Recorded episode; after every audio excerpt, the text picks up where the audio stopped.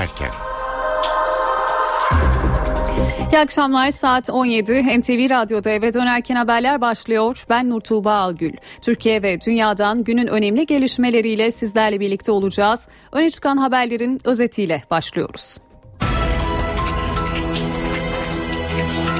Bugün 23 Nisan Ulusal Güvenlik, Egemenlik ve Çocuk Bayramı. Yarınki 24 Nisan yani 1915 olaylarının yıl dönümü öncesinde bugüne Ankara'dan Başbakanlıktan yapılan tarihi açıklama damgasını vurdu. Başbakan gelecek yıl 100. yıl dönümü olacak 1915 olaylarıyla taziye dileğinde bulundu. Ermenilerin o dönemde yaşadıkları acıları anmalarını anlamak ve paylaşmak bir insanlık vazifesidir. 1915 olaylarına ilişkin farklı görüş ve düşüncelerin serbestçe ifade edilmesi demokrasi, çoğulcu bakış açısının demokrasi kültürünün ve çağdaşlığın gereğidir dedi.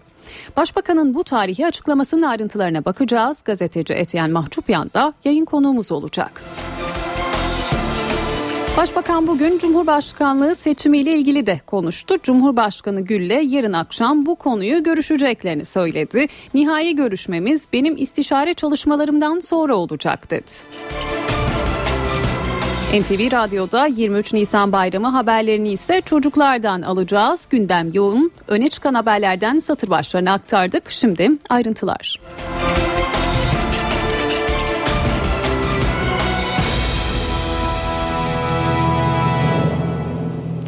Türkiye 1915 olaylarının 100. yıl dönümüne bir yıl kala önemli bir adım attı. Daha önce her 24 Nisan'da Beyaz Saray'dan verilecek mesajı bekleyen ve buna karşı tepkisel açıklama yapan Ankara bu kez kendi mesajını yayımlayarak dünyada gündem yarattı. Cumhuriyet tarihinde ilk kez 1915 olayları için taziye dilekleri iletildi. Başbakan Erdoğan'ın kaleme aldığı metinde Ermenilerin huzur içinde yatmalarını diliyorum ifadeleri yer aldı. Tarihi açıklamanın ayrıntılarıyla başlıyoruz. 24 Nisan 1915 olaylarının yıl dönümü. Başbakan Recep Tayyip Erdoğan ilk kez 24 Nisan'dan bir gün önce yazılı açıklama yaptı. 24 Nisan'ı Ermeniler için özel anlam taşıyan bir gün olarak niteledi, taziye diledi. 20. yüzyılın başındaki koşullarda hayatlarını kaybeden Ermenilerin huzur içinde yatmalarını diliyor, torunlarına taziyelerimizi iletiyoruz. Osmanlı İmparatorluğu'nun son yıllarının Türk, Kürt, Arap, Ermeni ve diğer milyonlarca Osmanlı vatandaşı için acılarla dolu zor bir dönem olduğu yatsınamaz. Adil bir insani ve vicdani duruş, din ve etnik köken gözetmeden bu dönemde yaşanmış tüm acıları anlamayı gerekli kılar. Başbakan mesajında acılar hiyerarşisi kurulmamalı dedi. Ne bir acılar hiyerarşisi kurulması ne de acıların birbiriyle mukayese edilmesi ve yarıştırılması acının öznesi için bir anlam ifade eder. Atalarımızın dediği gibi ateş düştüğü yeri yakar. Ermenilerin de o dönemde yaşadıkları acıların hatıralarını anmalarını anlamak ve paylaşmak bir insanlık vazifesidir. Başbakan Erdoğan 1915 olaylarına ilişkin farklı görüş ve düşüncelerin serbestçe ifade edilmesi demokrasinin gereğidir mesajı verdi. 1915 olayları siyasi çatışma konusu haline gelmemeli ve iki halk arasında duygudaşlık kurulmasına engel olmamalıdır dedi. 9 dilde yayınlanan açıklamada tarih komisyonu kurulması çağrısı hatırlatıldı.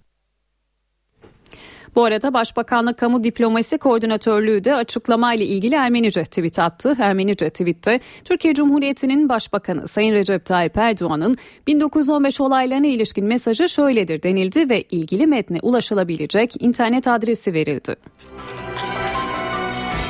Başbakan Erdoğan bu mesajının ardından gazetecilerin konuyla ilgili soruları üzerine de açıklama yaptı. Başbakan mesajda sadece o dönemde hayatını kaybeden Ermenilerin torunlarına taziyelerini iletmediğini, o dönemde hayatını kaybeden Osmanlıların torunlarına da dileklerini ilettiğine dikkat çekti.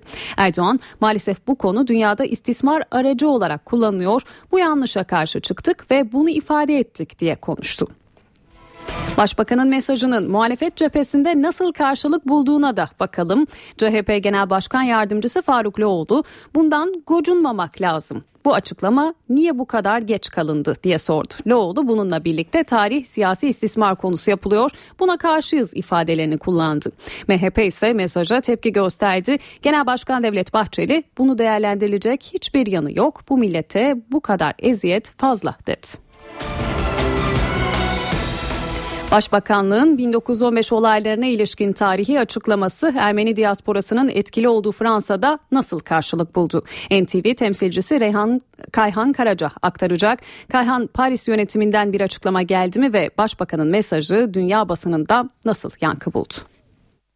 Başbakan Erdoğan'ın Ermenilere taziye mesajı gerek dünya gerekse Avrupa'nın en önemli Ermeni nüfusuna sahip Fransa'da geniş yankı buldu. AFP haber ajansı Fransa haber ajansı AFP 1915 e, olaylarının 99. yıl dönümünden bir gün önce yayınlanan taziye mesajını bir Türk liderin yaşanan ölümler üzerine yaptığı ilk açık yorum olarak verdi. Associated Press ajansı Erdoğan'ın taziyelerini ilettiği mesajın 9 ayrı dilde yayınlandığını dünyaya duyurdu. Ajansın haberinde Başbakan Türkiye'nin şiddetle reddettiği soykırım ifadesini kullanmadı. Bunun yerine tehcir dedi ve bunun gayri insani sonuçlar doğurduğunu ifade etti denildi. Reuters e, ajansının haberinde taziye mesajının beklenmedik olduğuna vurgu yapıldı ve Türkiye Başbakanı Tayyip Erdoğan Birinci Dünya Savaşı'nda öldürülen Ermenilerin torunlarına taziyelerini sundu denildi. İsrail e, gazetesi Jerusalem Post'un internet sitesinde haber Erdoğan Ermeni soykırımını tanımıyor ancak ailelere taziyelerini gönderiyor başlığıyla verildi. Başbakan Erdoğan'ın mesajı Avrupa'da ise şüphesiz en fazla Fransa'da yankılandı.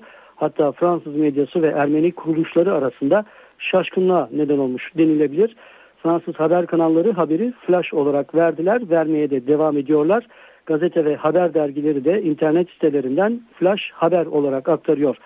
Le Figaro gazetesi haberi 1915 Ermeni katliamı Erdoğan Türkiye'nin taziyelerini sundu başlığıyla okurlarına duyurdu.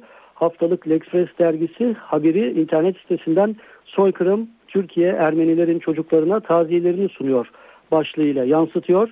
Le Monde gazetesinin haberinde Ermeni soykırımı Türkiye kurbanların çocuklarına taziyelerini sunuyor başlığıyla kullanılmış. Gazetenin haberinde Fransa Cumhurbaşkanı François Hollande'ın bu yıl Ocak ayında Türkiye'yi ziyareti sırasında Başbakan Erdoğan'a Ermeni soykırımı konusunda tarihle yüzleşilmesi çağrısında bulunduğu hatırlatılmakta. Le Monde, Türkiye'de bazı sivil toplum kuruluşlarının son yıllarda Ermeni soykırımını anma törenleri düzenlediklerini de belirtiyor haberinde. Liberasyon gazetesi ise Erdoğan 1915-1917 yılları arasında öldürülen Ermenilerin çocuklarına taziyelerini sundu başlığıyla aktarıyor haberini. Haberde Türkiye Başbakanı soykırımdan söz etmese de konu hakkında ilk defa bu şekilde doğrudan konuşuyor yorumuna yer veriliyor. Başbakan Erdoğan'ın mesajı Fransız haber kanalları ve radyoları tarafından da flash olarak aktarılmakta. Haber kanalları haberi ekrandan flash olarak Türkiye'de belki de bir tabunun sonu geldi yorumuyla verdiler. Türkiye'deki muhabirlerine bağlanarak yorumlar yaptırıyorlar. İTele kanalı Erdoğan'ın mesajının yeni bir retorik, yeni bir dil olduğu yorumunda bulunuyor. Türkiye'nin soykırım tartışmalarıyla ilgili stratejisinin değiştiğini söylüyor. Frans 24 haber kanalı ise haberinde bu belki de soykırımın resmen tanınması yolunda ilk adım şeklinde bir yorumda bulundu. Fransa'daki Ermeni kuruluşları ise mesaja şaşırmış durumdalar ancak medyaya oranla daha temkinli tepki vermekteler. Fransa'da yayın yapan Ermenistan Haberleri adlı aylık dergi Başbakan Erdoğan'ın mesajının Fransızca çevirisinin tamamını internet sitesinden derhal yayınladı. Ermeni kuruluşları adına henüz resmi bir açıklama yapılmış değil fakat internet sitelerinde yapılan ilk yorumlarda Erdoğan'ın mesajı her ne kadar tarihi olarak nitelense de aslında Ermenilerin soykırımın tanınması ve tazminat gibi asıl taleplerini etkisiz hale getirmek amaçlı olduğu savunuluyor.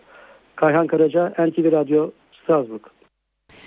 Başbakanlıktan 1915 olayları ile ilgili yapılan tarihi açıklamayı konuşacağız. Şimdi de gazeteci yazar Etyen Mahçupyan yayınımıza katılıyor. Sayın Mahçupyan hoş geldiniz efendim yayınımıza. Hoş bulduk. Bugün 23 Nisan, yarın 24 Nisan. Hrant Dink'in 23,5 Nisan başlıklı yazını hatırlayarak hemen soralım dilerseniz. Başbakanlıktan 1915 olaylarının 100. yıl dönümüne bir yıl kala ve 23 Nisan'da bu açıklamanın yapılmasını nasıl yorumluyorsunuz? Metindeki ifadelere, başsağlığı dileğine ne diyorsunuz efendim? E, bu e, tabii bilinçli bir tercih. E, Başbakan dün e, 23 Nisan'ın ne olduğunu söylemişti. Yani 1920 meclisi. Yani Cumhuriyet'in bir tür otoriter yapıya dönüşmesinden önceki daha çoğulcu olan meclis. Yani Osmanlı'nın bakiyesi olan bir meclis. Ve bugün de 24 Nisan'la ilgili gene bir gün önceden ve o meclisin kuruluş tarihini andığımız bir gün konuştu. Ee, bu, bu bence çok özellikle seçilmiş ne yaptığını bilen bir siyasetçinin işi. Yani şu söyleniyor bu taziye mesajı aslında bizi e, bir ortak hafızaya, ortak tarihe ve bunun üzerinde inşa edeceğimiz ortak topluma geri götürüyor. Ama geri götürme aynı zamanda da geleceğin inşası demek. AK Parti'nin zaten şu ana kadar yapmış olduğu e, topluma güvenerek, toplumun üzerinde bina ederek yapmış olduğu demek lazım. E, Kürt meselesi açılımı, işte Dersim özrü vesaire gibi adımlar tamamen bu minvalde şeylerdi. Bu paketi tamamlayan bir adım şu anda. Tabii paketin başka adımları da var. Süryaniler var, Rumlar hı hı. var vesaire ama e, Ermeni meselesi çok sembolik bir e, olay. E, burada e, bu çıkış yeni bir dönemin başlangıcı demek ve bu yeni dönemin başlangıcı da sadece Ermenilere bir mesaj değil. E, sadece diasporaya veya sadece Ermeni meselesi etrafında bu olaya bakan insanlara değil aslında yeniden bir Türkiye kuruluyor. Ve o yeni kurulacak Türkiye'nin de manevi zeminini hazırlıyor AK Parti. E, dolayısıyla da e, bu attığı adımı öyle değerlendirmek lazım. E, herhangi bir baskıyla falan oluşmuş bir şey olduğunu hiç düşünmüyorum ben. Zaten AK Parti'nin tabanı 20 yıldan beri bir büyük dönüşüm içerisinde ve son 5-6 yıl Ermeni meselesinde de eşik atlamış olan bir taban. E, dolayısıyla çoktan halkın gelmiş olduğu bir noktaya şu anda devletin de başbakan eliyle getirilmesi meselesi bu. Ee, yani böyle bir adıma sadece e, hoş geldin demek durumundayız ve bunu doğru bir şekilde kullanmak durumundayız. Peki efendim siz de değindiniz ancak bu açıklama Amerika Birleşik Devletleri, Avrupa ve diasporada nasıl yankı bulur? Ankara'nın elini rahatlatır mı sizce? Şöyle söyleyeyim bunu e, her konunun siyasi bir kadrosu var. Her konunun e, siyaseten kullanılmaya müsait tarafları var.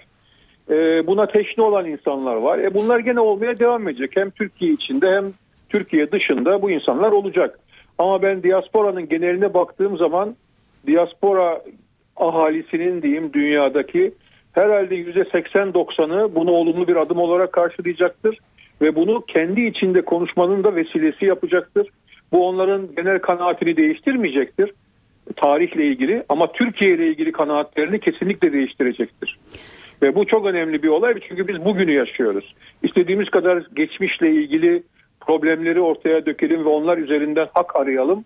Aslında o hak arama meselesi de bugüne aittir ve bugün e, konuşmadan birbirine dokunmadan bir hak arama mümkün değil.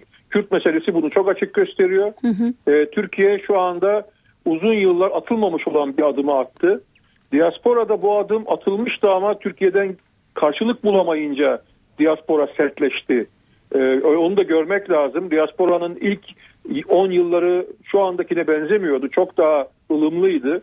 E, ama e, böyle bir sertleşme yaşandı. Şimdi tekrar bir geri dönüş olacağını sanıyorum. Ama tabii ki bu e, taziye yapılır ve sadece burada kalırsa e, bir süre sonra tavsiyebilir. Çünkü şunu da unutmamak lazım. Bu adım e, atılan başbakanın attığı bu adım beklentileri de yükselten bir adım.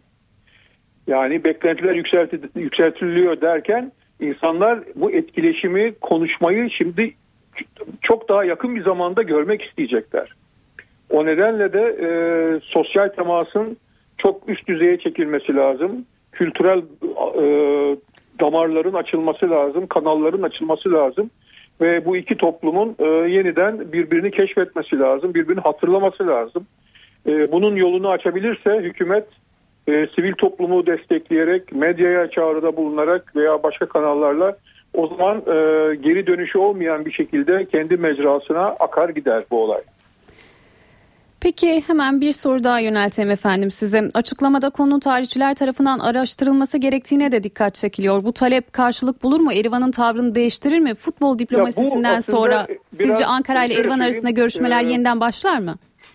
Yani şöyle söyleyeyim bu aslında e, zamanı epeyce geç, gecikmiş olan bir söylem. Maalesef e, Türkiye buna alternatif bir söylem bulamadı ve e, cevap alınması işlevsel olması mümkün olmayan bir proje bence. Şu nedenle oraya Türkiye'den hangi tarihçiyi koyacağınız bile belli değil. Hangi tarihçiyi koysanız problem çıkar. Çünkü Türkiye bunu kendi içinde konuşmamış ki şu anda. Hı hı. Yani siz Uluslararası Tarih Komisyonu çağıracaksınız, insanlar gelecek.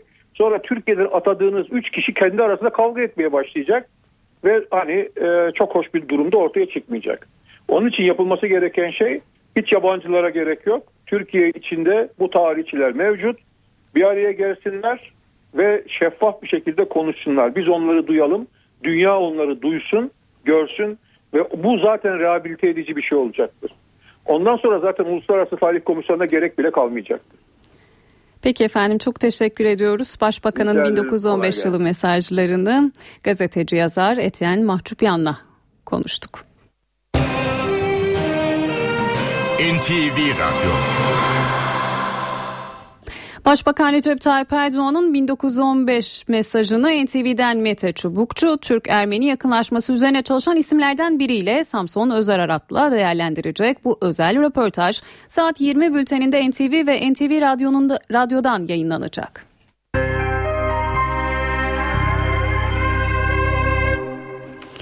Başbakan Erdoğan'ın diğer açıklamalarıyla devam edelim. Erdoğan Cumhurbaşkanlığı seçimiyle ilgili önemli açıklamalar yaptı bugün. Erdoğan adaylık konusunu yarın Cumhurbaşkanı Abdullah Gül'le kısmen görüşeceğini ancak nihai fikir alışverişinin Mayıs sonunda gerçekleşeceğini söyledi. Başbakan bu süreçte Cumhurbaşkanı Gül'le anlaşmazlık yaşamayacaklarını da ifade etti.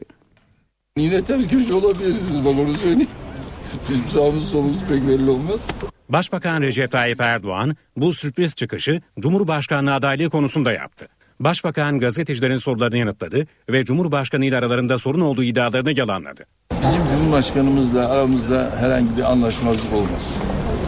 Yani bundan önce de biliyorsunuz medya yine bir şeyler söylüyordu. Cumhurbaşkanımız o zaman Dışişleri Bakanı, biz Başbakanlık. Benimle ilgili yazılıyordu. Sonra ters köşe oldunuz. Biz aramızda bu işi hallederiz. Ülkemizde kaosa, sıkıntıya vesile olabilecek hiçbir adımı biz aramızda atmayız. Başbakan Erdoğan adaylık konusunda karar için AK Parti'nin 9-11 Mayıs tarihleri arasında Afyon'da yapılacak istişare toplantısını işaret etti. Ben Perşembe günü biliyorsunuz büyük kongre delegeleriyle görüşeceğim. Ondan sonra bir de MKYK ve MYK'da konuyu masaya yatıracağız. Yani sonra da nihai olarak Cumhurbaşkanı'nın bu işi müzakere edeceğiz. Ondan sonra da kararı artık açıklayacağız. Başbakan Cumhurbaşkanı Abdullah Gül'le Perşembe günü yapılacak haftalık olan görüşmede ise konunun kısmen ele alınacağını söyledi. Gül'le nihai görüşmeyi Mayıs ayı sonunda yapacağız dedi. Erdoğan'a başkanlık sistemi de soruldu. Başbakan geçmişten bu yana ülkemde başkanlık sistemi olmasından yanayım dedi. Amerika Birleşik Devletleri'ndeki etkin parlamento denetimini örnek gösterdi. Çok başladık. Ne yazık ki netice vermiyor. Bizim derdimiz oradaki sağlıklı tek sesliliği oturtabilmek. Neyle? Yine işte bütün o parlamentonun denetiminden, istişaresinden geçtikten sonra böyle bir kararı verebilir. Bizdeki muhalefet bunları tartışmaktan dahi korkuyor. Bunlardan korkmanın bir anlamı yok ki.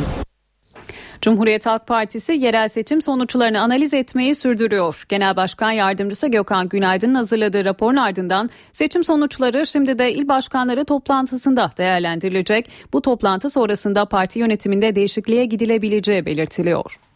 Ana Muhalefet Partisi seçim sonuçlarını değerlendiriyor. Hafta sonunda yapılacak il başkanları toplantısından sonra MYK değişikliği gündeme gelebilir. Açıklamayı CHP Genel Başkanı Kemal Kılıçdaroğlu NTV'ye yaptı. Milletvekillerini ve parti meclisini dinledim. Bu hafta sonunda il başkanlarını dinleyeceğim. MYK değişikliği gerekip gerekmediğine il başkanları toplantısından sonra bakacağım. MYK'daki olası bir değişikliğin bir iki kişiyle sınırlı kalacağı belirtiliyor. CHP il başkanları hafta sonu yapılacak toplantıya Kılıçdaroğlu'nun talep ettiği seçim sonuçlarına yönelik hazırladıkları raporla gelecek. Raporlarda başarı ya da başarısızlıkların nedenleri anlatılacak. CHP lideri Mayıs ayının ilk haftası ise kadın örgütlerini Ankara'da toplayacak. 2-3 gün sürecek kadın örgütü toplantılarının 2-3 Mayıs tarihlerinde yapılması planlanıyor. Kılıçdaroğlu 30 Mart yerel seçimlerinde başarılı olan belediye başkanlarını da Ankara'ya çağıracak. Ana muhalefet iptal edilen Yalova seçimleri için de kapsamlı bir çalışma yapıyor. CHP liderinin Mayıs ayında Yalova'da miting yapması ve bu kenti birden çok kez ziyaret etmesi planlanıyor. Şimdi kısa bir ara veriyoruz ardından 23 Nisan haberleri için mikrofon çocuklarda olacak. Eve dönerken devam ediyor. NTV Radyo'nun İstanbul stüdyosundan mutlu günler. Eve dönerken haber bülteninde 23 Nisan haberlerini biz çocuklar sunacağız. Ben Nisa Eylül Çoban, 12 yaşındayım. Hamdullah Supi Tarnaver Ortaokulu'nun 6. sınıftayım. Ben Seymen Eren Güven, 12 yaşındayım. Mustafa Sarıgül Ortaokulu'nda 6. sınıftayım. Ben Öykü Değirmenci, 14 yaşındayım. Beylikdüzü İMKB Ortaokulu 7. sınıftayım. 23 Nisan törenlerinden haberlerle başlayalım. Bayram tüm yurtta törenlerle kutlandı ve gelenek bozulmadı. Yöneticiler koltuklarını bugün de kısa bir süre için çocuklara bıraktı. Başbakan Tayyip Erdoğan'ın koltuğunda 3. sınıf öğrencisi Göker İnan oturdu. Şimdi o buluşmada neler olduğunu dinleyelim. Gönlünüzden geçen bir cumhurbaşkanı adayı var mı? Ben kalkınca bunu gerçek başbakana sorsanız daha iyi olur. Köşk adaylığı konusunda iki başbakan da ser verdi sır vermedi. Ne 23 Nisan'da koltuğu devralan 9 yaşındaki küçük başbakan Göker İnan ne de başbakan Recep Tayyip Erdoğan. Cumhurbaşkanı adayı olacak mısınız sorusu iki kez soruldu ikisine de. Başbakan sözü küçük meslektaşına bıraktı. Başbakan olarak son fotoğraf olur mu efendim? Ben başbakan değilim şu anda. Buyurun. Çocuk başbakana sosyal medyaya ilişkin görüşleri de soruldu. Biliyorum ama kullanmıyorum. Ailem falan da izin vermiyor zaten. Daha küçüksün diyorlar. Benden bir alkış bekliyor musunuz? Çocukların bayramında Başbakanlığın sürpriz konukları da vardı. Maliye Bakanı Mehmet Şimşek 3 ay önce dünyaya gelen ikizleriyle Başbakan Erdoğan'ı ziyaret etti. Milli Eğitim Bakanı Nabi Avcı da öğrencilerle bir araya geldi. 23 Nisanlarda siz bekliyorsunuz ki Bakan Milli Eğitim Bakanı da koltuğundan kalksın, onun koltuğuna biz oturalım. Öyle yağma yok. Hadi gel bakalım, otur bakalım. Bakan Avcı koltuk devretmek zordur dese de makamını 3 öğrenciye bıraktı. İstanbul'daki törenlere devam edelim. İstanbul'da resmi törenlerin adresi Taksim Meydanı olsa da bayram coşkusu tüm şehire yayıldı. Her yerde karnaval havası vardı. Mag- Mega kenti yönetenler de koltuklarına çocukları devretti. 23 Nisan nedeniyle Meclis Genel Kurulu İstiklal Caddesi'ni anaokulu öğrencileri, gökyüzünü ise renkli balonlar doldurdu. İstanbul'da 23 Nisan Ulusal Egemenlik ve Çocuk Bayramı'nın kalbi Taksim Meydanı'nda attı. Yüzlerce öğrenci renkli kıyafetleriyle yürüyüş yaptı, dans etti. Resmi törenlerin adresi Taksim Meydanı'ydı. Resmi törenin yapıldığı saatlerde İstanbul Valiliğinde ve İstanbul Büyükşehir Belediyesi'nde ise devir teslim törenleri vardı. İstanbul Valisi Hüseyin Avni Mutlu koltuğunu 6. sınıf öğrencisi Ahmet Utku Küçük Osmanoğlu'na devretti. Bir vali olsaydım bir gün bu şehre önce şunu yapmak isterdim diye aklında bir şey var mı? Ancak koltuğun tek vekili Ahmet Utku değildi. Babası Tanzanyalı olan Atilla Ayubu da kısa süreliğine İstanbul valisi oldu. İstanbul Büyükşehir Belediye Başkanı Kadir Topbaş ise koltuğunu 4. sınıf öğrencisi Zeynep Uyumuş'a bıraktı. Minik Belediye Başkanı'nın kuraklık nedeniyle aldığı sert tedbirler dikkat çekti. Alo. Buyurun Sayın Başkanım. Ben saat 9'da 10 arası Koca Mustafa Paşa semtinin sularının kesilmesini istiyorum. Enteresan. 23 Nisan nedeniyle Me- Meclis Genel Kurulu'nda özel oturum düzenlendi. Cumhurbaşkanı Abdullah Gül ve Başbakan Erdoğan salona birlikte girdi. Meclis Başkanı ve siyasi parti liderleri özel oturumda konuşmalar yaptı. Akşam da bir resepsiyon var. Şimdi Ankara'ya bağlanıyoruz. NTV muhabiri Miray Akdağ Uluç telefonda.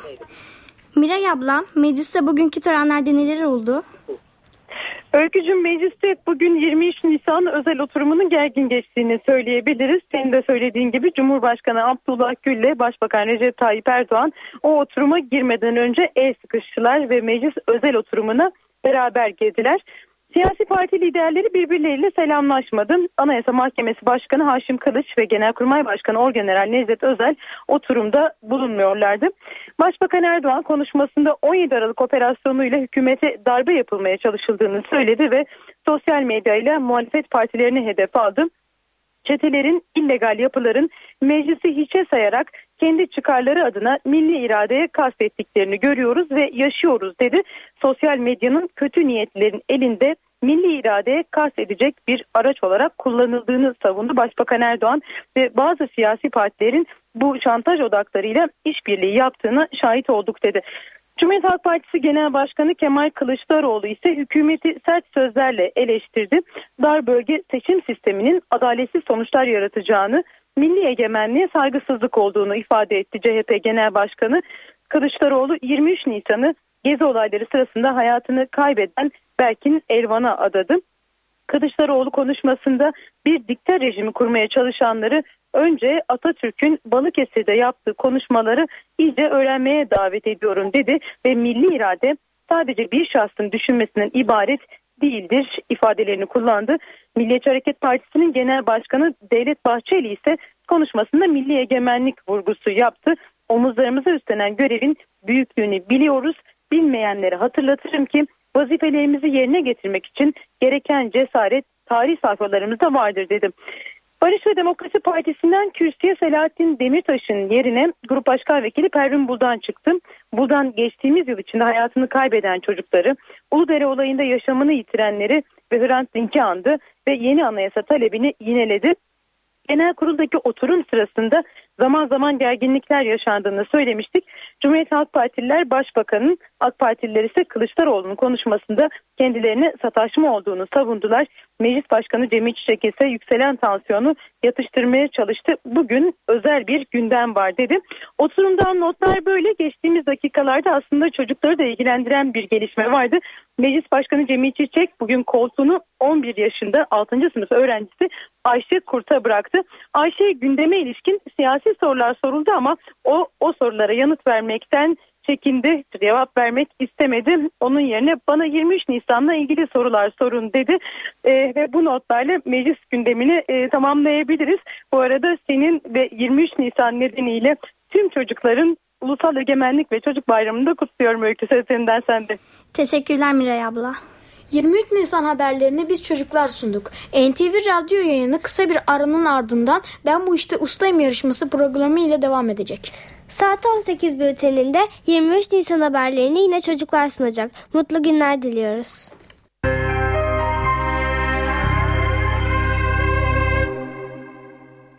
Eve dönerken devam ediyor.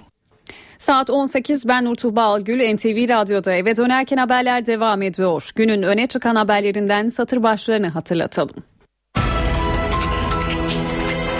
Türkiye Cumhuriyeti tarihinde ilk kez 1915 olaylarının yıl dönümü vesilesiyle Başbakan düzeyinde Ermenilere taziye mesajı yayınlandı. Mesajda Başbakan Erdoğan ölenlerin yakınlarına taziye dileklerini iletip adil bir insani ve vicdani duruş acıları anlamayı gerekli kılar ifadesini kullandı. Bu ifadeler dünya basınında büyük yankı buldu.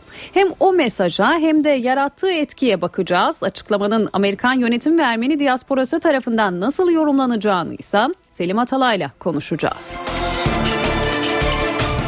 Bugün 23 Nisan Ulusal Egemenlik ve Çocuk Bayramı kutlamalar başkentte İstanbul'da ve Türkiye'nin diğer kentlerinde gün boyu devam etti. Mecliste ise özel oturum düzenlendi. Liderler konuşmalarında 17 Aralık operasyonu ve sonrasındaki gelişmeler üzerlerinden birbirlerini hedef aldı. Devlet erkanı akşamsa 23 Nisan resepsiyonunda buluşacak.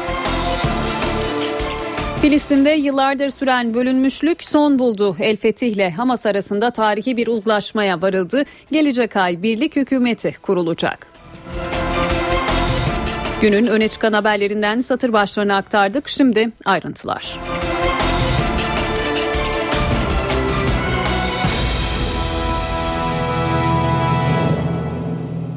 Türkiye 1915 olaylarının 100. yıl dönümüne bir yıl kala önemli bir adım attı.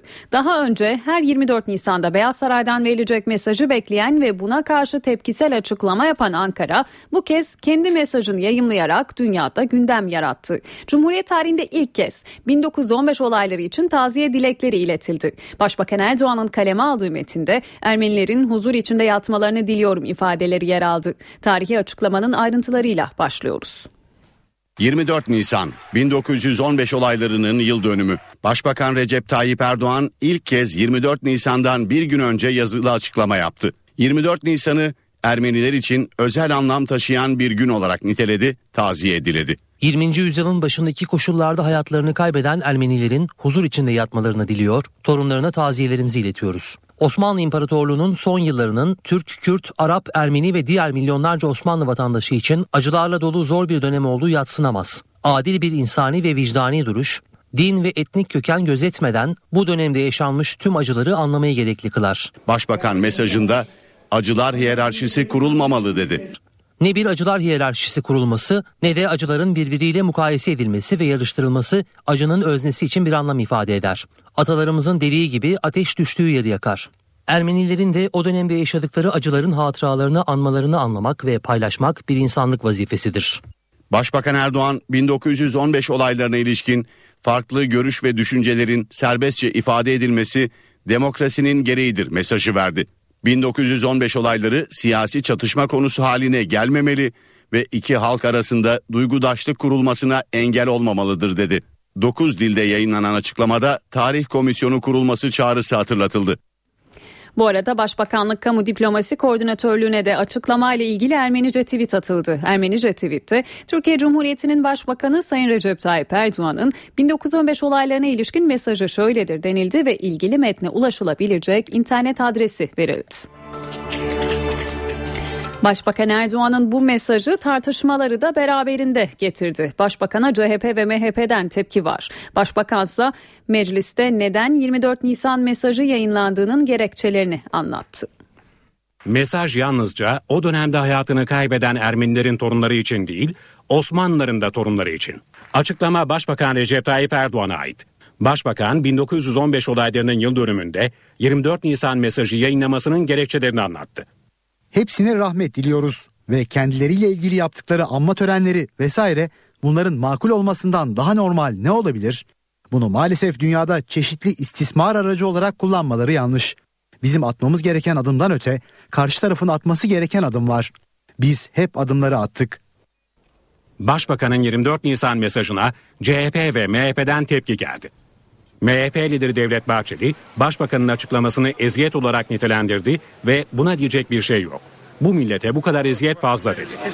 CHP Genel Başkan Yardımcısı Faruk Luoğlu ise Başbakan Erdoğan'ın 1915 olayları sırasında hayatını kaybedenlere taziye dilemesinde bir sakınca olmadığını belirtti.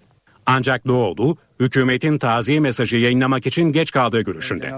Loğlu, Başbakan Erdoğan'ın tarihi siyasi istismar konusu yaptığını savundu ve bu yaklaşıma karşı olduklarını söyledi.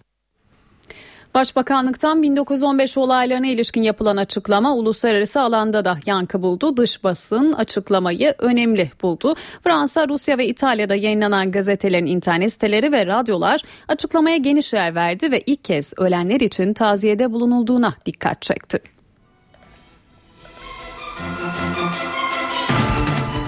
AFP Ajansı 1915 olaylarının 99. yıl dönümünden bir gün önce yayınlanan taziye mesajını bir Türk liderin yaşanan ölümler üzerinde yaptığı ilk açık yorum olarak verdi. Associated Press Ajansı Erdoğan'ın taziyelerini ilettiği mesajın 9 ayrı dilde yayınlandığını dünyaya duyurdu. Ajansın haberinde Başbakan Türkiye'nin şiddetle reddettiği soykırım ifadesini kullanmadı. Bunun yerine tecrih dedi. Bunun gayri insani sonuçlar doğurduğunu ifade etti denildi. Reuters'ın haberinde taziye mesajının beklenmedik olduğuna vurgu yapıldı ve Türkiye Başbakanı Tayyip Erdoğan, Birinci Dünya Savaşı'nda öldürülen Ermenilerin torunlarına taziyelerini sundu denildi. İsrail gazetesi Jerusalem Post'un internet sitesinde haber, Erdoğan Ermeni soykırımını tanımıyor ancak ailelerine taziyelerini gönderiyor başlığıyla verildi. Açıklama Amerikan Başkanı Barack Obama'nın her 24 Nisan'da yayınladığı mesajın hemen öncesinde geldi. Şimdi Başbakanın kullandığı ifadelerin Amerika'da nasıl yankı bulacağını NTV temsilcisi Selim Atalay'la konuşacağız. Selim Merhaba. şu an sizlerin alışkın olduğu gibi New York'ta değil NTV Radyo stüdyosunda. Hoş geldin Merhaba. Selim. Ee, New York'ta saat e, işte yeni başladı gün öyle söyleyelim. Evet sen şimdi saat farkından birazcık değişiklik Tabii. yaşıyorsundur ama gündem yoğun dilersen hemen başlayalım. Nabzı bu kez uzaktan tutacaksın ama bugün önemli bir açıklama vardı Erdoğan tarafından. Doğru. Şimdi Obama yönetimi ve Ermeni diasporası açıklamayı nasıl yorumlar? Şimdi onlar için sürpriz olduğu belli. Hı hı. Yani medyada da yansıma var. Ee, İşte e, Türkiye'den ilk kez böyle bir e, hareketin gelmesi, mesajın gelmesi önemli. İşte bunun öncesinde ne vardı? Bunun öncesinde e, Senato'da bir tasarı geçirme girişimi Hı hı. oldu. Senato tatile girdi, kadük kaldı ta- tasarı. İşte e, 24 Nisan itibariyle Başkan Obama'nın açıklaması bekleniyor. O rutin bir açıklama olacak. Peki bundan sonrası için şimdi Başbakanın açıklaması önemli. Bunu işte kongreye herhalde Türkiye iletecektir. Türkiye'nin Washington'daki temsilcileri bunu kongreye ileteceklerdir. Hı hı. e, ilgililere ileteceklerdir. Bu kayda da geçecektir. Fakat e, mesele tarih ya da işte ortak acıların aşılması falan değil. Artık oraları geçtik maalesef. Mesele son derece siyasi. Son derece artık işte Türkiye'nin uluslararası ilişkileri ve Türk-Amerikan ilişkilerini ilgilendiren tarafına geliyor. Hı hı. Ve de herhalde Washington biliyor ki bunu e, tarihten çıkartıp siyasette taşıdıkça da Türk-Amerikan ilişkileri zarar görecektir. Onun da farkındalar herhalde. Peki şimdi sen de aktardın. Yani Obama'nın her yıl yaptığı 24 Nisan konuşması zaten bugün 23 Nisan olması dolayısıyla yarın bekleniyor. Şimdi Ankara ve Erivan hattında da tabii ki belli yoğun diplomasiler devam edecek. Bu konu hakkında neler söyleyeceksin? Şimdi e, Ankara'yla e, bu e, Amerika'daki tasarılarda genellikle bir tarihi bölüm vardır. Hı hı. İşte bir de e, günümüze yansıması Türkiye Erivan ilişkileri kapsamında işte ilişkilerin düzelmesi falan.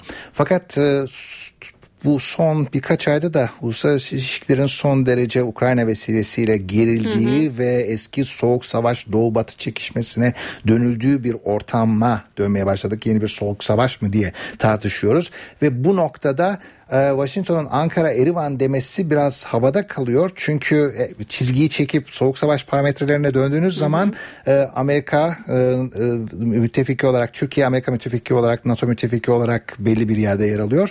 Erivan ise Moskova'nın kukla hükümetinin olduğu bir ülke olarak kayda geçiyor. Yani Hı hı. bundan iki hafta önce üç hafta önce Birleşmiş Milletler'de oylama yapıldı. Ukrayna'daki durumu tasvip ediyor musunuz? Evet. Türkiye dahil Amerika 100 ülke hayır dediler. Türkiye batılı müttefikler ço- çoğunluk. E, işte e, Ermenistan, e, Suriye, Küba, e, Kuzey Kore gibi 9 ülkede Moskova'nın yanında yer aldı. Hı hı. 100 karşı 9. Dolayısıyla böyle bir bölünmenin yaşandığı ortamda Amerika'nın tekrar Türkiye'ye biraz daha e, dikkatli bakması gerekiyor. Yani orada bir Moskova yanlısı hükümet var. Burada da bir NATO müttefiki hükümet var. Onu değerlendireceklerini umuyoruz. Şimdi biz sen New York temsilcisi diyoruz ama genelde dış dünyada neler olduğu konusunda hemen sana danışıyoruz. Az önce de aktardık. Başbakanlıktan 1915 olaylarına ilişkin yapılan açıklama dış alanda da oldukça geniş yer buldu, yankı buldu. tabii. Obama yönetiminden yarından önce bir açıklama bekleniyor mu veya herhangi bir açıklama yapıldı mı? Neler söyleyeceksin? Şimdi aslında bu iş Obama yönetimini neden ilgilendiriyor diye de sormak Evet. mümkün. Dilersen yani oradan pek başlayalım. hayır aslında ilgilendirmiyor. Yani ama e, hadi adet olduğu üzere Amerikan iç politikasının baskıları nedeniyle işte kongreden gelen baskı vesaire diyerek Amerikan başkanları bir açıklama yayınlıyorlar. Be- Beyaz Saray'ın e, Iowa'daki çiçek bayramını kutlama mesajı gibi de Gibi ay- sıradan. öyle bir, açıklama aslında. Hı hı. Ama işte bunun kim izliyor? Bunu Türkler izliyor, e, Ermeniler izliyor. Bir de bu konuyla ilgili ülkeler izliyor. Ama e, tekrar bakınca e, şimdi Başkan Obama ne diyor? İşte bu trajedidir, e, işte tekrarlanmalıdır. Tamam doğru, ortak acı tamam, tarih. Fakat sonra bugüne geldiği zaman işte Türk-Ermenistan ilişkilerinin gelişmesi falan orada tekrar dediğimiz gibi günümüz şartlarına, Ukrayna'ya, Suriye'ye, İran'a falan karışıyor. İşler zaten e, Türkiye'nin en büyük sıkıntısı da bu. Yani bir yanlış olduğu zaman kongreden geçiyor o tasarı fakat e, ilişkileri ilgilendiren bir durum olduğu için Türkiye'nin muhatabı Amerikan Kongresi değil, Hı hı. Amerikan yönetimi. Türk-Amerikan ilişkileri doğrudan Amerikan ilişkilerini Hı hı. ilgilendiren boyuta geliyor. O yüzden hassas noktadayız şu an. Sarmal bir Evet. noktadan bahsettin sen de. Peki nasıl değerlendirilir, nasıl yankı bulur? Son izlenimlerini de alalım senden. Şöyle o işte açıklamayı başkan Obama yapacak. İşte e, soykırım kelimesini kullanmıyor. Ermenicesini Hı hı. kullanıyor. İşte o iki taraf arasında denge olayı e, ve de e, o geçecek. Sonra e, herhalde kongrede artık bir şey olmaz. 24 Nisan geçti. Hı Yani hı. kongreden yeni bir tasarı geçmeyecek gibi görülüyor.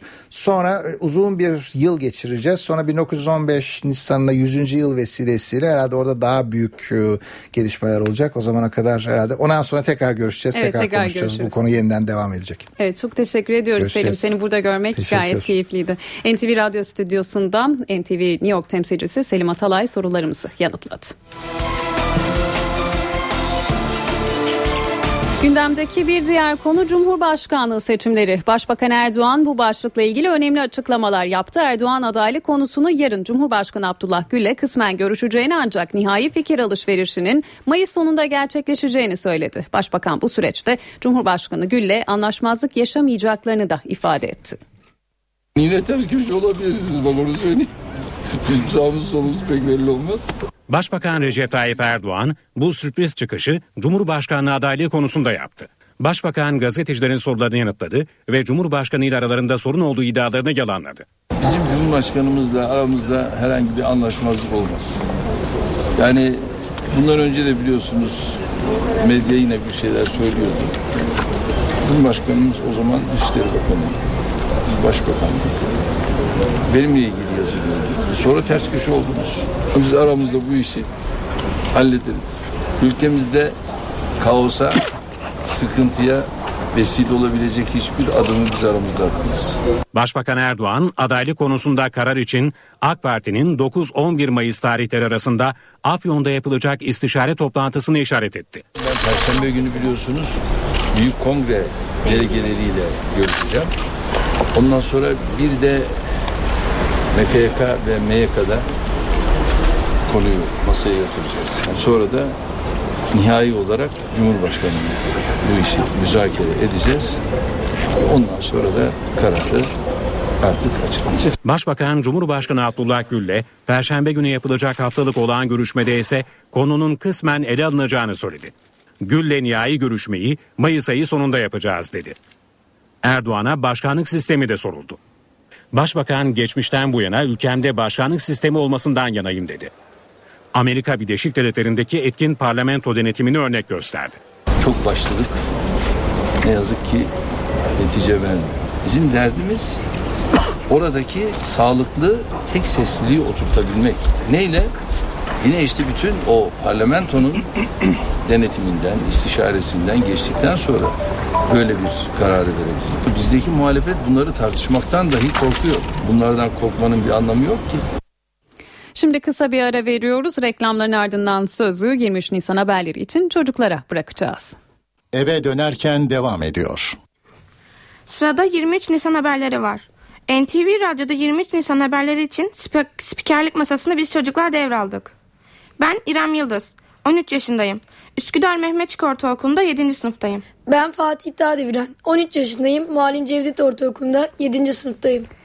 Ben Yasemin Aladağ, 13 yaşındayım. Emniyettepe Ortaokulu'nda 7. sınıftayım. 23 Nisan haber, haberleriyle başlıyoruz. 23 Nisan tüm yurtta törenlerle kutlandı. Ve bu yılda 23 Nisan geleneği bozulmadı. Yönetici, yöneticiler koltuklarını bugün de kısa bir süre için çocuklara bıraktı. Başbakan Tayyip Erdoğan'ın koltuğuna 3. sınıf öğrencisi Göker İnan oturdu. Şimdi o buluşmada neler olduğunu dinleyelim. Gönlünüzden geçen bir cumhurbaşkanı adayı var mı?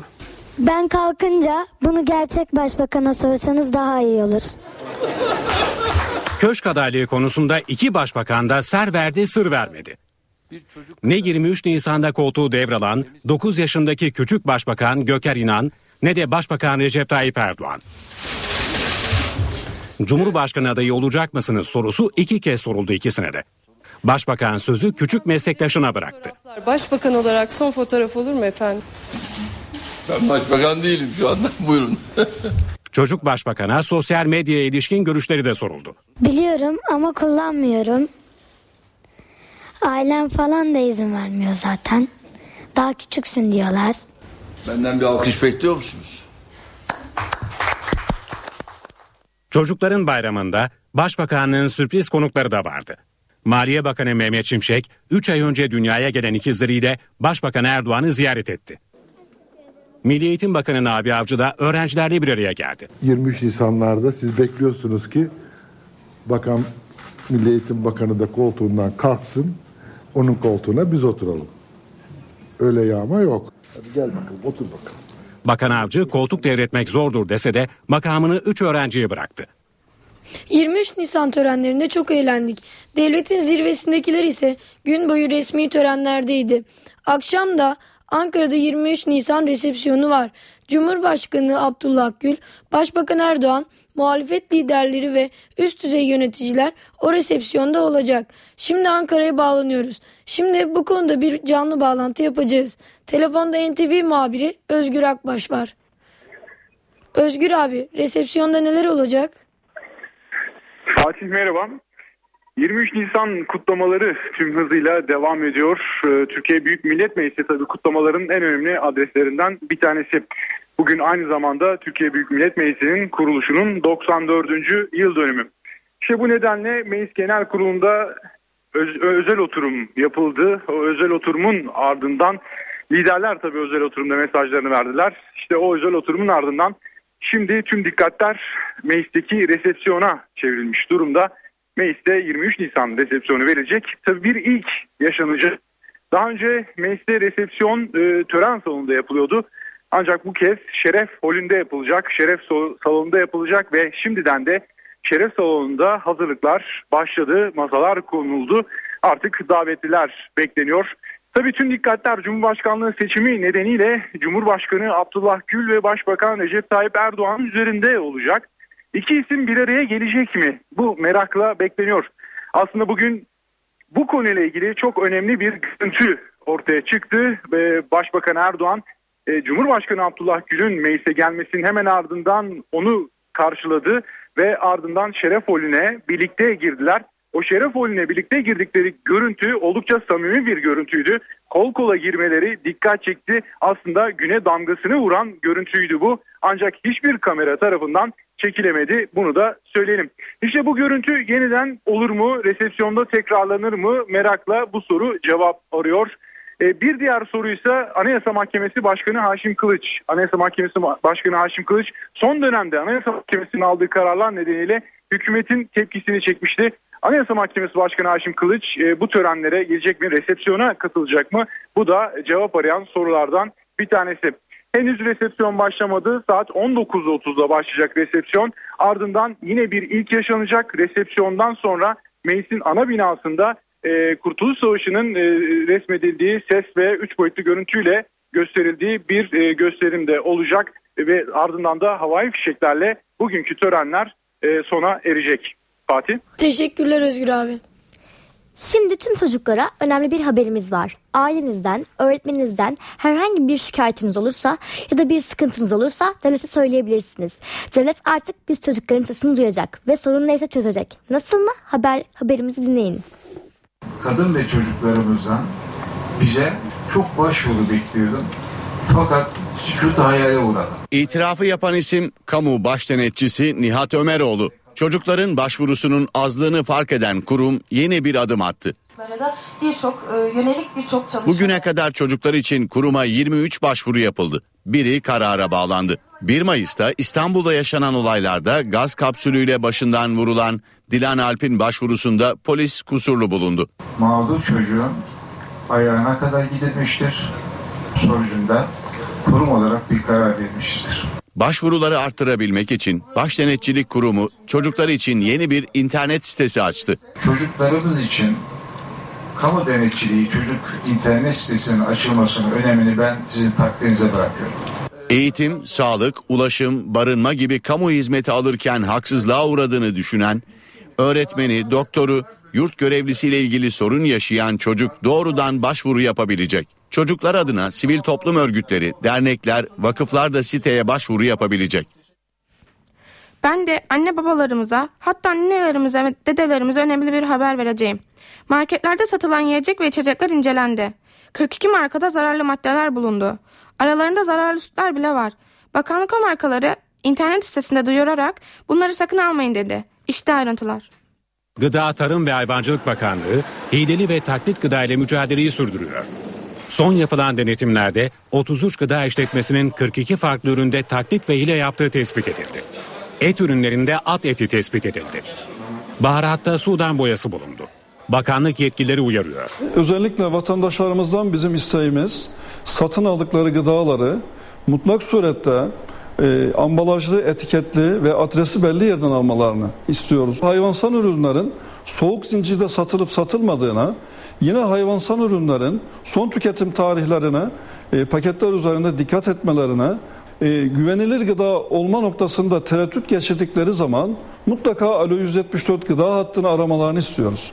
Başta bal üreticileri olmak üzere kargo ile satış yapan gıda firmaları konusunda da temkinli olmak gerekiyor. Vatandaşımızın özellikle bal reklamları ya da diğer gıda reklamlarında dikkat edecekleri husus yani burada görselinde sundukları şeylerin mutlak surette etiketini, ambalajını kendi gözleriyle görerek satın almalarını istiyoruz. Tüketici e, bir raftan değil de kargo yoluyla bir ürünü almaya kalkışırsa işte orada hilenin bir, birinci adımı başlıyor. Çünkü kargo ile o reklamda gösterdiği ürünü size göndermeyebiliyor. Denetimler sırasında hileli gıda ürettiği tespit edilen işletmeler ve ürünleri internet sitesinden açıklandı. Listede iki aromalı içecek üreticisi, bal üreten dört gıda işletmesi ve çok sayıda et ve süt üretimi yapan işletme var. Ben Rize'den fıkra gibi bir haber vereceğim. Rize'de çığ tehlikesine karşı caminin minaresini bakın nasıl koruyorlar. Kışın kaldırıyorlar, yazın tekrar dikiyorlar. Rize'nin Karzavan yaylasındaki caminin minaresi seyyar. Bölge halkı inşa ettikleri camiye çelik varilleri birleştirip 7 metrelik bir minare yaptı. Ancak hesaba katmadıkları bir şey vardı. Çığ bölgesindeki 2100 metre rakımlı yaylada minare kış aylarında bir tehlikeydi.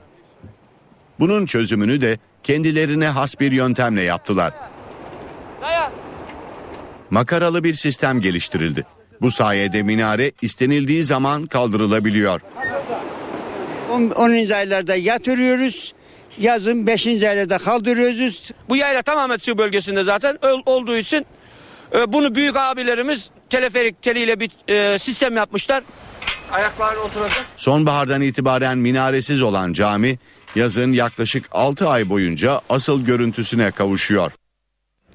Ben de Bursa Uludağ'dan bir haber vereceğim. Uludağ'daki ağaçlar tehlikede. Zararlı böcekler tarafından sarılmış uz- uzmanlar bu böcekleri yok etmesi için yeni bir tür bö- böcek üretti.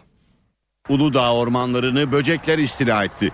Bölgede kış aylarının kurak geçmesi çam ormanlarına yönelik tehdidin artmasına neden oldu. Orman Bölge Müdürlüğü önlemleri arttırdı. Sıcak geçen kış aylarında çam kese böcekleri normalin üzerinde üredi. Tarım arazilerinde kullanılan kimyasal ilaçlar nedeniyle zararlılarla beslenen böcekler de ortadan kalkınca çam kese böcekleri ağaçları sardı. Tehlike büyüyünce Uludağ'ın orman manzarası da tehlikeye girdi. Çam kese böcekleriyle mücadele için Bursa Orman Bölge Müdürlüğü harekete geçti. Böceklerin yok edilmesi için Terminator adı verilen böcekler ormana bırakıldı.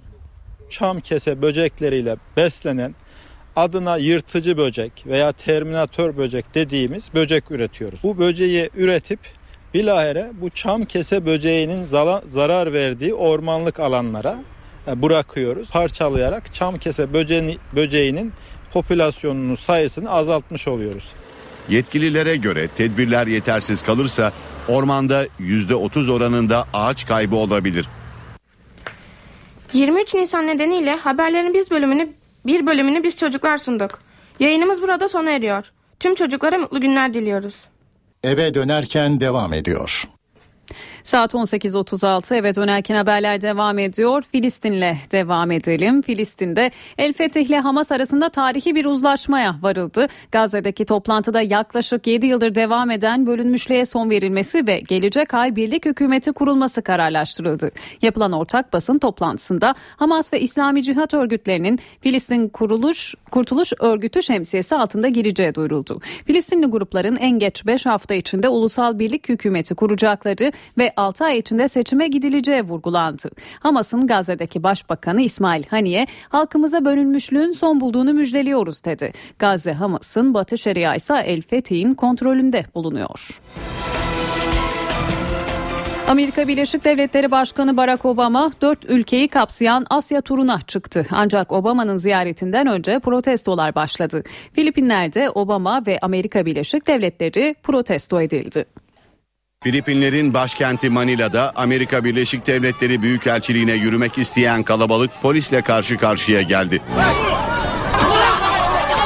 Amerika Birleşik Devletleri Başkanı Barack Obama'nın Asya turu kapsamında Filipinleri de ziyaret edecek olmasını protesto eden göstericiler polisle çatıştı. Polis kalabalığı dağıtmak için basınçlı su kullandı.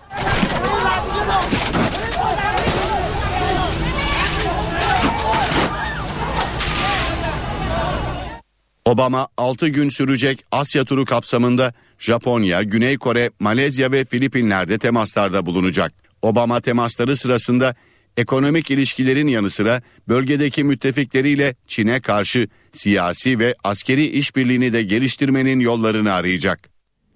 Fransa'da hükümet gençlerin Suriye'deki İslami gruplar içinde savaşmaya gitmesinin önüne geçmek amacıyla bir eylem planı açıkladı. Plan çerçevesinde 18 yaşından küçüklerin Fransa'dan çıkışları aile iznine bağlandı. Ayrıca kökten dincilere ait olduğu söylenen camilere giden gençler saptanacak. Yani cihat hareketine katılması ihtimal dahilinde olan gençler belirlenecek. Başka bir ifadeyle de fişlenecek. Ve Ukrayna, Ukrayna'nın doğusunda gerilim tırmanıyor. Ülkenin geçici devlet başkanı Alexander Turchinov, doğudaki Rusya yanlısı göstericilere yeniden müdahale emri verdi. Rusya ise vatandaşlarına yönelik saldırılara karşılık verileceği uyarısında bulundu. Rusya Dışişleri Bakanı Sergey Lavrov, Ukrayna'daki Rus yanlılarına saldırı ve tehditlerin karşılıksız kalmayacağı uyarısı yaptı. Lavrov'la telefonda görüşen Amerikan Dışişleri Bakanı John Kerry ise Rus yetkilileri saldırgan söylem kullanmaktan vazgeçmeleri konusunda uyardı. Kerry aksi halde Rusya'ya yönelik ambargoları arttıracaklarını vurguladı. Güney Kore'de bir hafta önce batan feribotta şu ana kadar 150 kişinin cansız bedenine ulaşıldı. Yüzlerce kişidense halen haber yok. Yetkililer çalışmalar iki gün sonra sonlandırma kararı aldı. Arama işleminin sonlandırılmasıyla feribotu denizden çıkarma işlemi de başlayacak. Geçen hafta Güney Kore açıklarında feribotla birlikte sulara gömülen yolcuları kurtarma umudu kalmadı. Bölgedeki havanın düzelmesiyle çalışmalarına hız veren dalgıçlar feribotta sıkışan yolcuların cesetlerini çıkarıyor. Ancak çoğu lise öğrencisi olan yolcuların üçte biri hala kayıp. Feribotta üçüncü ve dördüncü katlara yoğunlaştık. Öğrenciler bu katlarda kalıyordu.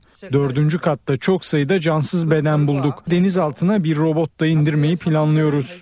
Güney Koreli yetkililer arama çalışmalarının 48 saat daha devam edeceğini ardından feribotu denizden çıkarma işleminin başlayacağını belirtiyor. Dev bir vinçle yürütülmesi planlanan işlemin iki ay sürebileceği belirtiliyor. Olayla ilgili kaptan dahil mürettebattan 7 kişi tutuklanmış durumda. Dördü ise gözaltında tutuluyor. Feribotun neden battıysa henüz netleşmiş değil. Ülkenin kuzeybatısından güneyindeki Jeju adasına gitmekte olan feribot, imdat sinyali gönderdikten 2 saat sonra içindeki 476 kişiyle batmıştı. 7 hafta önce kaybolan Malezya uçağına ait olabileceği düşünülen bir parça Avustralya kıyılarında bulundu. Söz konusu parça Avustralya'nın güneyinde Augusta kasabasının 10 kilometre açığında bulundu. Avustralyalı yetkililer parçanın uçağa ait olup olmadığını inceliyor. 8 Mart'ta içindeki 239 kişiyle Kuala Lumpur'dan Pekin seferini yaparken rotasından çıkan uçaktan o günden bu yana bir iz bulunabilmiş değil. Uzmanlar uydu vericilerinden uçağın Avustralya'nın güneybatısına düştüğünü tahmin ediyor.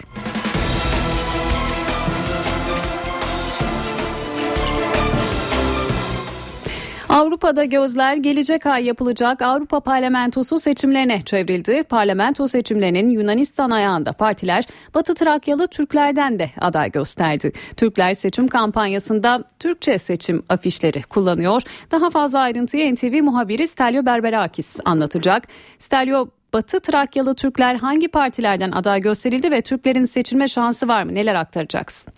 E, Tuğba şöyle söyleyebilirim. E, e, genel seçimlerde olduğu gibi e, Avrupa Parlamento seçimlerinde de e, siyasi partiler genel olarak e, Batı Trakya'daki e, azınlık e, üyelerini de aday gösterebiliyorlar. Tabii bunların e, e, yani aşırı milliyetçi işte Altın Şafak Faşistlerin Partisi gibi olan e, partiler zaten göstermiyorlardı hiçbir zaman. E, fakat e, belli başlı Yunan partileri gösteriyor. E, bu seçimlerde e, Tuğba e, tercihli oy kullanıyor, kullanılacak olması da e, işte bu e, azınlık üyelerinden e, birisinin belki de e, ilk defa tarihinde ilk defa Avrupa Parlamentosu'na gitme şansı da doğmuş olacak. E, şöyle ki şunu söyleyebilirim e, sana bu konuda e, Tuğba. 2012 seçimlerinde e, ana muhalefet e, Radikal Sol e, Partisi e, Batı Trakya'dan iki, e, PASOK'ta, Sosyalist PASOK'ta bir milletvekili çıkarmıştı Yunan parlamentosuna. Yani Şu anda 300 sandalyeli Yunan parlamentosunda 3 Batı Trakyalı milletvekili var. Dolayısıyla e, e, son nabız yoklamalarına bakacak olursak ana muhalefet Radikal Sol Parti, e, Radikal Sol Siriza Partisi e, oldukça yüksek puanlarla e, puanlarda bulunduğuna göre belki de Batı Trakya'dan e, bir e, Türk milletvekili, Türk asıllı bir milletvekili çıkarabileceği yolunda bazı senaryolar yok değil. Tabii e, şunu da söylemekte yarar var e, Tuğba. Senin de söylediğin gibi evet Avrupa Parlamento seçimleri olacak e, 25 e, Mayıs'ta. Ancak e, aynı dönemlerde yani 18 Mayıs'ta yerel yönetim seçimleri de var. İlk turu yapılacak. İkinci turu da yani yerel seçimlerin ikinci turu da 25 e, Mayıs Avrupa Parlamento seçimleriyle birleştirilecek. Dolayısıyla Mayıs ayı içinde 3 sandık açılmış olacak. E, e, dolayısıyla buradaki siyasi partiler için de çok önemli bu seçimler. Çünkü en azından gözle görülür bir nabız yoklaması olacak Yunanistan'ın geleceği açısından. E, Yunanistan'daki genel seçimlerde normal süresinde 2016 yılında yapılması bekleniyor. Ancak e, erken seçim e, olabileceği yolunda işte o da Yunan ekonomisinin gidişatına bağlı e, görülüyor.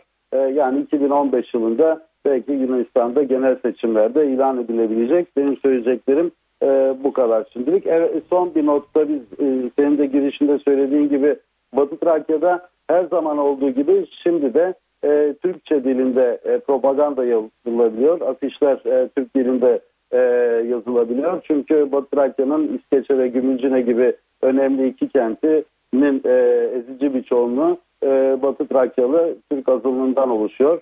E, dolayısıyla bu da normal karşılanıyor e, Tuğba. Evet Avrupa'da gözler gelecek ay yapılacak Avrupa Parlamentosu seçimlerine çevrildi. Son durumu NTV muhabiri Stelio Berberakis aktardı. Yine Yunanistan'dan bir haber komşuda Paskalya kutlamaları olaylı geçti. Bir kişi öldü, 10 kişi de yaralandı. Yunanistan'ın Santorini adasındaki geleneksel kutlama bir turistin ağır yaralanmasına neden oldu.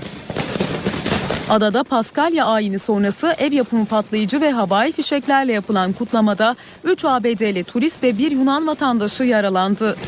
Kutlamada kendisi de yaralanan ABD'li Chris Pressme'in eşi hastanede yaşam mücadelesi veriyor. Uh, Cumartesi gecesinden beri eşimle konuşmadım. İyi olduğunu, iyileşeceğini söylüyorlar ama çok ağır yaralanmıştı. Lütfen onun için dua edin. Please pray for her. We pray for her and for you. Thank you. 51 yaşındaki kadın ambulans uçakla Girit adasındaki tam teşekküllü bir hastaneye sevk edildi. Buraya getirildiğinde çok ağır yaralanmıştı. Hayatta tutabilmek için epey uğraşmamız gerekti. Şu anda bir umut ışığı var diyebilirim. Paskalya kutlamaları sırasında Yunanistan genelinde bir kişinin öldüğü ve 10 kişinin de yaralandığı açıklandı.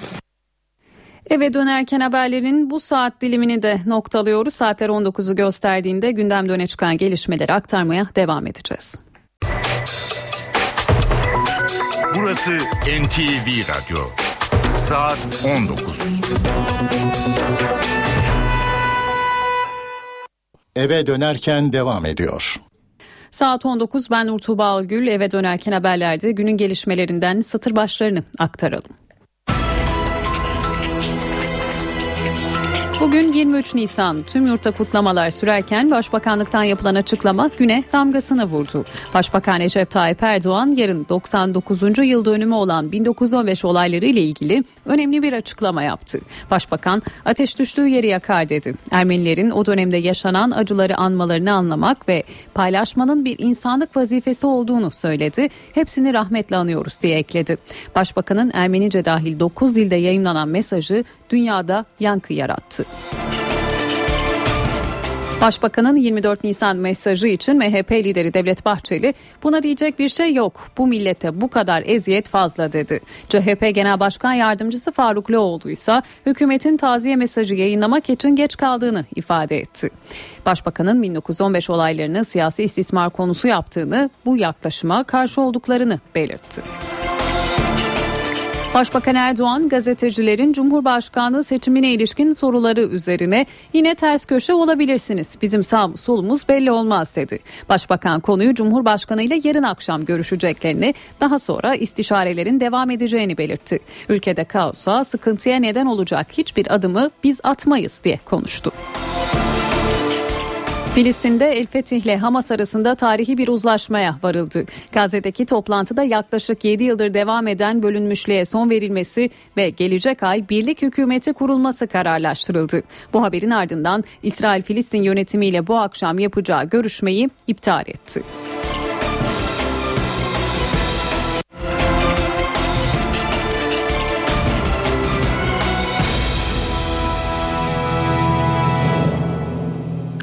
Eve dönerken haberleri noktalıyoruz. NTV Radyo'da kısa bir aranın ardından Cem Dizdar ve Gürcan Bilgiç'le Çift Porvet programı başlayacak. İyi akşamlar.